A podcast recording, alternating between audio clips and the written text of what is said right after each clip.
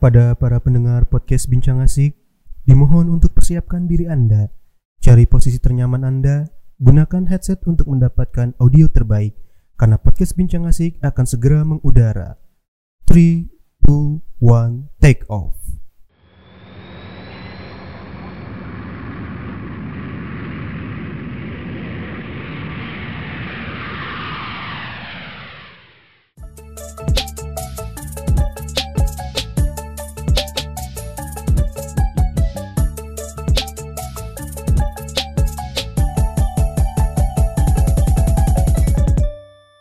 Assalamualaikum warahmatullahi wabarakatuh. Halo sahabat berbagi, bertemu lagi di podcast Bincang Asik, berbagi hal yang asik-asik.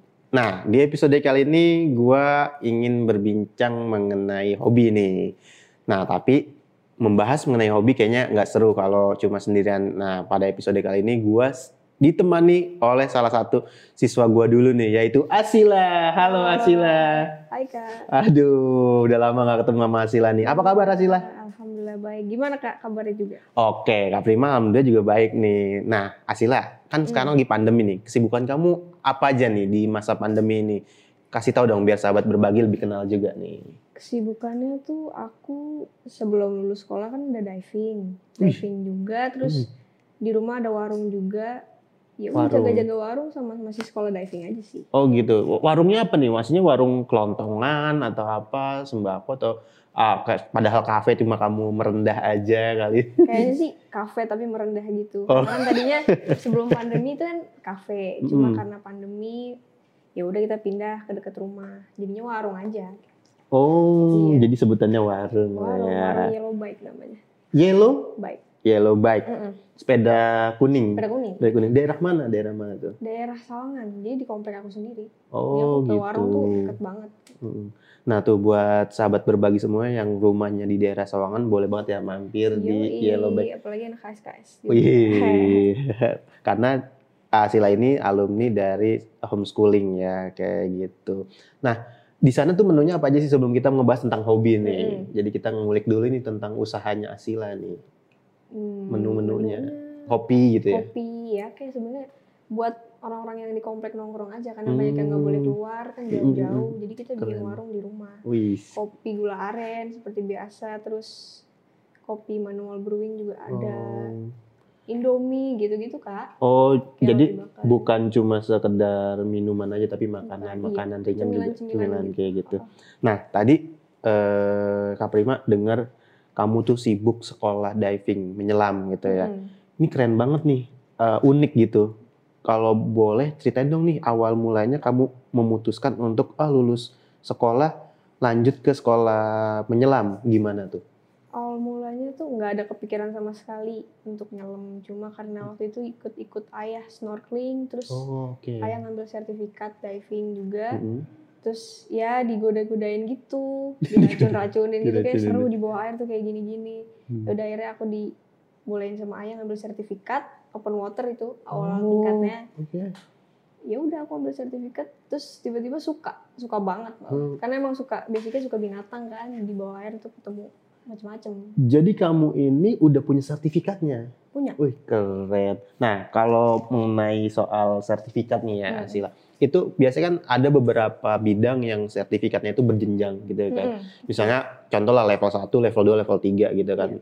Nah ini kalau di dunia diving ini ada kayak gitunya juga nggak? ada Ada kayak gitu. Oh, Oke, paling tinggi namanya level apa tuh kalau kamu? paling tinggi aduh macam-macam sebenarnya Hmm. jadi kalau paling tinggi itu ada di atasnya instruktur jadi instruktur bisa ngeluarin instruktur juga Oh, gitu jadi ibarat kata kayak grandmaster kali Iya, ya. Sebutannya grandmaster. sejauh tapi Masih jauh ya. Gak apa-apa tapi keren banget. Nah, di pengalaman kamu menyelam, Hmm. nih kamu udah pernah di daerah mana aja nih? Lautan mana aja yang pernah kamu selami? awal-awal open water tuh kan nggak boleh dalam-dalam kak Mm-mm.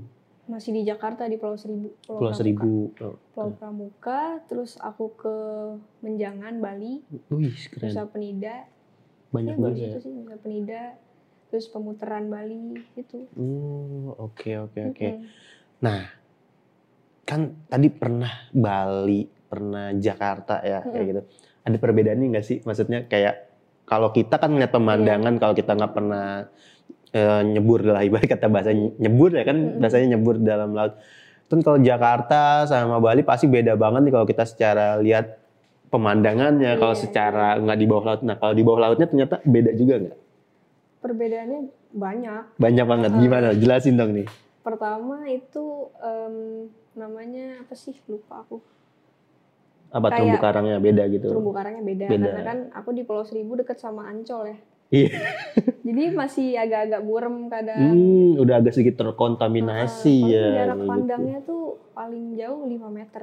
Karena sisanya udah Hmm. burem. Oh gitu. Cuma kalau lagi ada musimnya musim bening, itu Mm-mm. Itu bening. Jadi kayak sama kayak Bali. Cuma Oh, hoki-hokian. Hoki-hokian ya. Sama suhu airnya juga beda. Oh gitu. Wow, keren banget. Kapima tertarik Ikan-ikannya juga. juga kayak gitu. beda. Ya, ikan-ikannya gimana tuh? Kalau di Pulau Seribu pernah sih ketemu hiu, cuma nggak gede-gede. Oh, oke. Kalau di Bali? Kalau di Bali aku ketemu pengen pengen banget ketemu pari yang namanya mantare itu nggak? Yang gede Yang itu gede. ya. Cuma Eh, waktu eh, itu aku ke sana nggak dapet. Kenapa tuh nggak lagi? hoki. Oh, Jadi aku beda kedalaman sama temen aku. Aku di 18, dia di 12. di 18 ketemu atau Yang di 18 nggak ketemu. justru di Justru 12? dia di atas. Oh. Nah karena emang lagi eh, lagi kotor juga kan Oh, airnya. Oke, oke. Jadi hijau gitu kak. Jadi Oh. yang nggak kelihatan aku ngeliat ke 12 meter juga. Oh, jadi memang ternyata betul ya kalau Kaprima nonton film-film kayak National Geographic gitu, film-film binatang, Iya. semakin apa ya di antara kedalaman-kedalaman itu ya variasi binatangnya beda-beda kayak gitu. Dan juga ternyata kita juga hoki-hokian juga ya. Misalnya eh, Asila di 12 kedalaman 12 meter Kak Prima juga nyelam di 12 meter.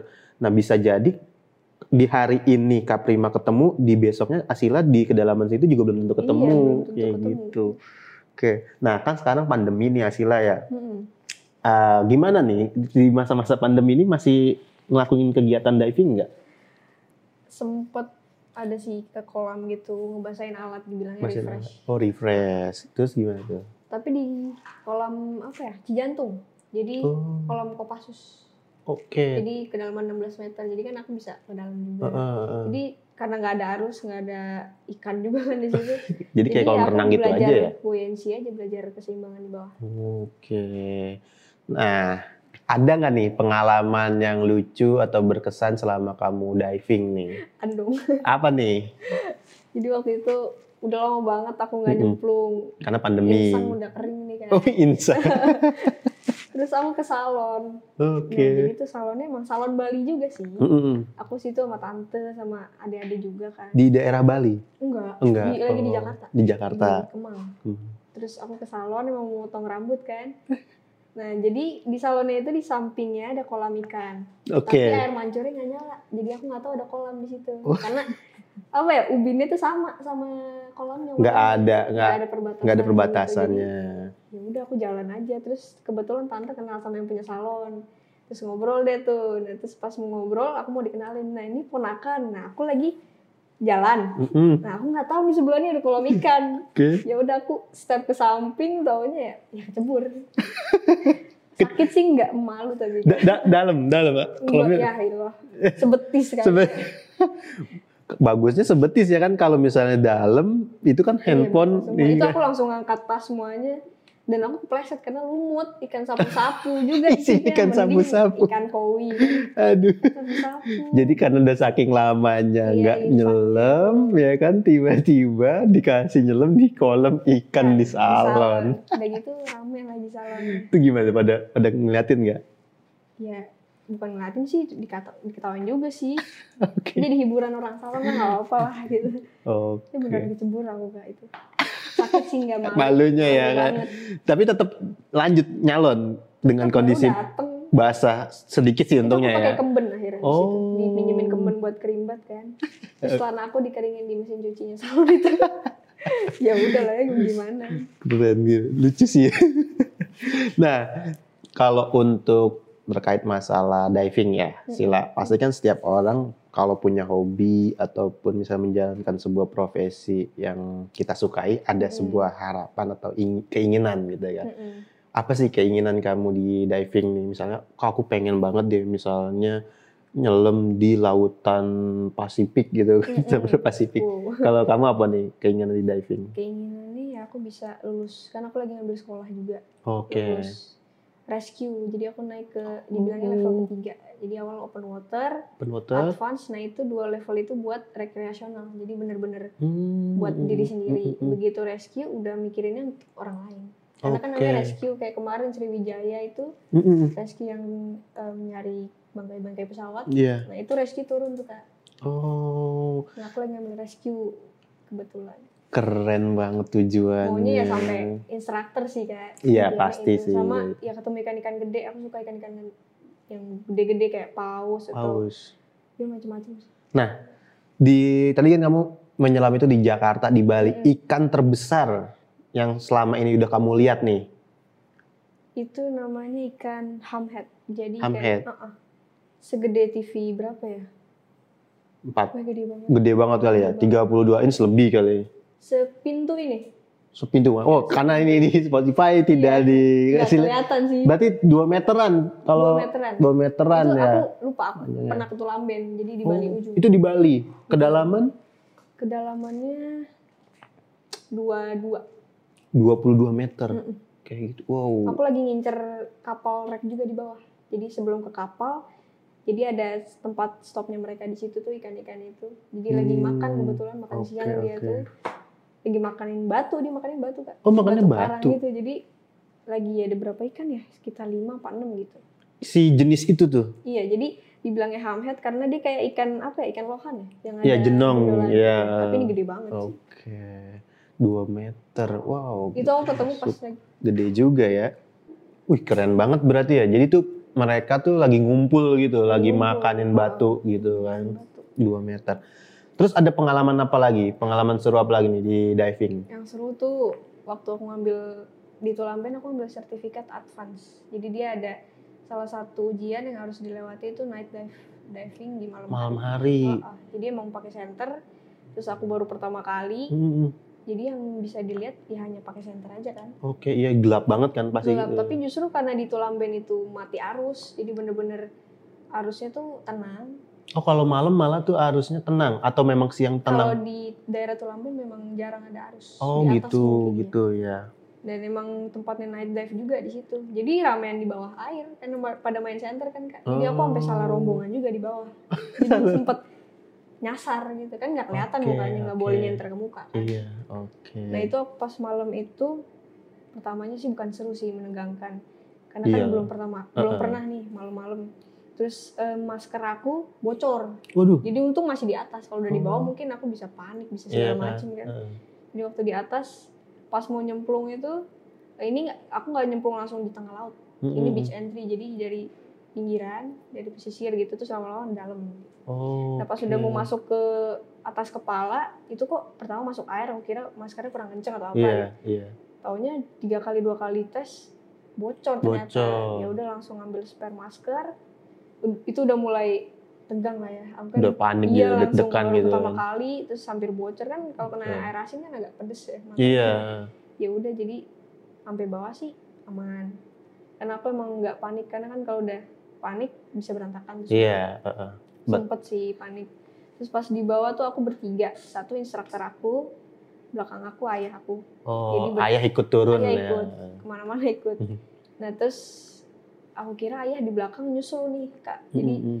jadi dari samping tuh sempet ada kayak angin bukan angin ya jadi kayak kena arus gitu Oke. aku kira ayah nyusul dari belakang ke depan taunya pas disenterin itu ikan ikan kerapu tau kan kak Iya. segede aku itu lewat warna merah itu aku bener-bener kan nggak bisa ngobrol di bawah Iya. jadi kayak ih kaget gitu Se- eh, sebelah aku juga instruktur aku juga kenapa kaget taunya aku pas nyenter ke sini tuh merah gitu aku kira apa Karena kan kerapu Iya. mukanya serem Ih, gitu serem kan. banget terus Walaupun dagingnya enak kalau dimasak. iya, iya. terus gede gitu juga males sih kan Iya. Malam-malam Iya. kan Iya. Uh serem sih itu Nah, Kak Prima penasaran nih Sil. Penasarannya kan tadi kamu bilang kalau di dalam laut itu kan kita susah Kak untuk komunikasi. Nah, kira-kira nih komunikasinya nih kalau terjadi ada kayak kamu gitu kan selangnya apa tadi bocor tuh. maskernya bocor. Maskernya bocor tapi udah di kedalaman berapa meter. Ngodeinnya gimana nih ngodein ke teman-teman atau kalau rombongannya? di malam hari ya pakai pakai center. Jadi Senternya. ngomong tangan, bahasa tangan tapi Heeh. disenterin. Oh. Gitu. Kalau kalau problem gini, kayak ya minta problem gitu. Problem itu jadi telapak tangan kita menghadap ke bawah, Heeh. terus digoyang-goyangin. Digoyangin Oh, gitu. jadi kalau. Terus kayak- oh gitu, kayak kita ngasih kode apa ya? Ka- kapal goyang lah, Iya, kapal, kapal goyang, goyang. gitu kan. Oke. Kalau oke. siang-siang ya kelihatan gitu. Hmm, oke oke. Nih, mungkin jadi pertanyaan terakhir nih, Sil, kayak gitu. Pertanyaan terakhir adalah, kan Kak Prima nggak bisa berenang nih ya, Sil. Iya. Kira-kira bisa nggak sih kalau Kak Prima juga suka untuk diving tuh untuk menyelam? Boleh nggak sih gitu? Eh. Apa ada persyaratan? Lu kalau mau nyelam ya harus bisa berenang gitu. Aku belum pernah dengar sih itu harus bisa berenang apa enggak. Mhm. Cuma ya paling enggak sih harus bisa sih. Karena aku awal open water kayaknya Belum bisa berenang. nggak jago-jago banget. Cuma ada Mm-mm. tes berenangnya juga. Oh gitu. Walaupun di bawah pakai pelampung BCD kan, Mhm. cuma tetap begitu di atasnya itu harus Oh. bisa berenang. sih. Jadi bisa disimpulkan kalau bisa berenang itu lebih baik Iya. Ya, kalau nggak bisa berenang sebetulnya bisa-bisa aja Bisa-bisa karena kita ada peralatan kayak pelampung gitu. Oke, Bisa diisi udara. keren banget. Nah, mungkin kalau dari pertanyaan Kak Prima udah selesai, mungkin kasih dong sebuah kayak statement atau sesuatu hal terkait masalah menyelam kepada teman-teman atau sahabat berbagi yang ternyata mendengarkan ini punya hobi yang sama kayak Sila.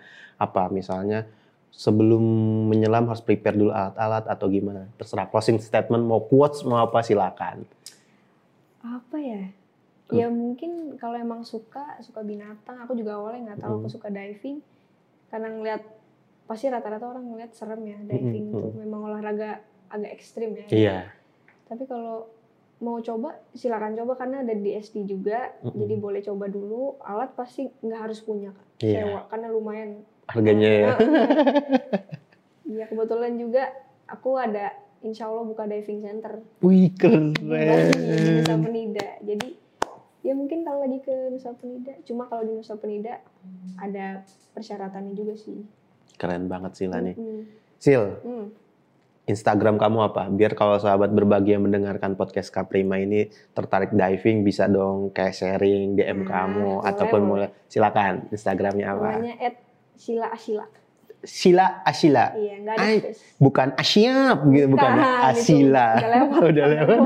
Udah lewat ya. Oke, keren banget. Jadi setelah ngobrol-ngobrol dengan Asila nih, Kaprima jadi dapat apa ya, insight-nya tuh setiap ciptaan Tuhan itu semuanya indah. Indah banget. Mau di mana pun, yang penting bagaimana kita berusaha mengeksplornya dan bagaimana kita menjaganya itu Betul. supaya tetap terawat kayak gitu. Jadi, Indonesia juga kan lautnya Banyak. banyak banget. Nah, betul itu banget. Explore lewat diving ya. Pokoknya harus Keren. tahu di bawah tuh indah banget, apalagi Indonesia. Keren Nggak harus keluar kak. Eh, sebelum kita Kak Prima tutup, ikan yang paling kamu suka, yang kamu udah pernah lihat itu sih kamu paling suka itu, entah lucu, Hmm, ikan apa ya? Banyak banget sih. Banyak banget ya, karena saking bagusnya ya air laut ya. Paling suka sih penyu sih. Kalau penyu malah. Oh, Soalnya pernah main-main juga sama penyu kan di bawah. iya. Jadi kita dia pernah kesangkut gitu. Jadi aku pernah kamu tolongin. Terus dia Ih, mungkin keren. insting ya atau apa. Itu kan aku juga nggak niat gangguin, aku malah bantuin. Jadi dia malah main sama aku di Malah ngikut, ih lucu banget. Jadi kayak ibaratnya kalau di darat tuh kayak kucing Iya, ya gitu kayak gitu. kucing. Oke keren banget, cuma sayang banget nih waktunya terbatas. Padahal banyak banget yang pengen diobrol sama Sila. Mungkin next kita bisa ngobrol-ngobrol lagi ya Sila. Kalau mungkin Kak Prima sudah punya akun lainnya atau YouTube-nya kita biar kelihatan nih Sila apa, ya dokumentasi menyelamnya seperti Iya. itu. Makasih banyak ya Sila Iya, udah mau datang di podcast Bincang Asik. dengan senang hati. Oke. Oke, gua akhiri podcast pada episode kali ini. Gue ucapkan terima kasih yang sudah mendengarkan. Jaga selalu kesehatan dan pastinya dengarkan terus podcast Bincang Asik. Berbagi hal yang asik-asik. Wassalamualaikum warahmatullahi wabarakatuh. Salam indahnya berbagi.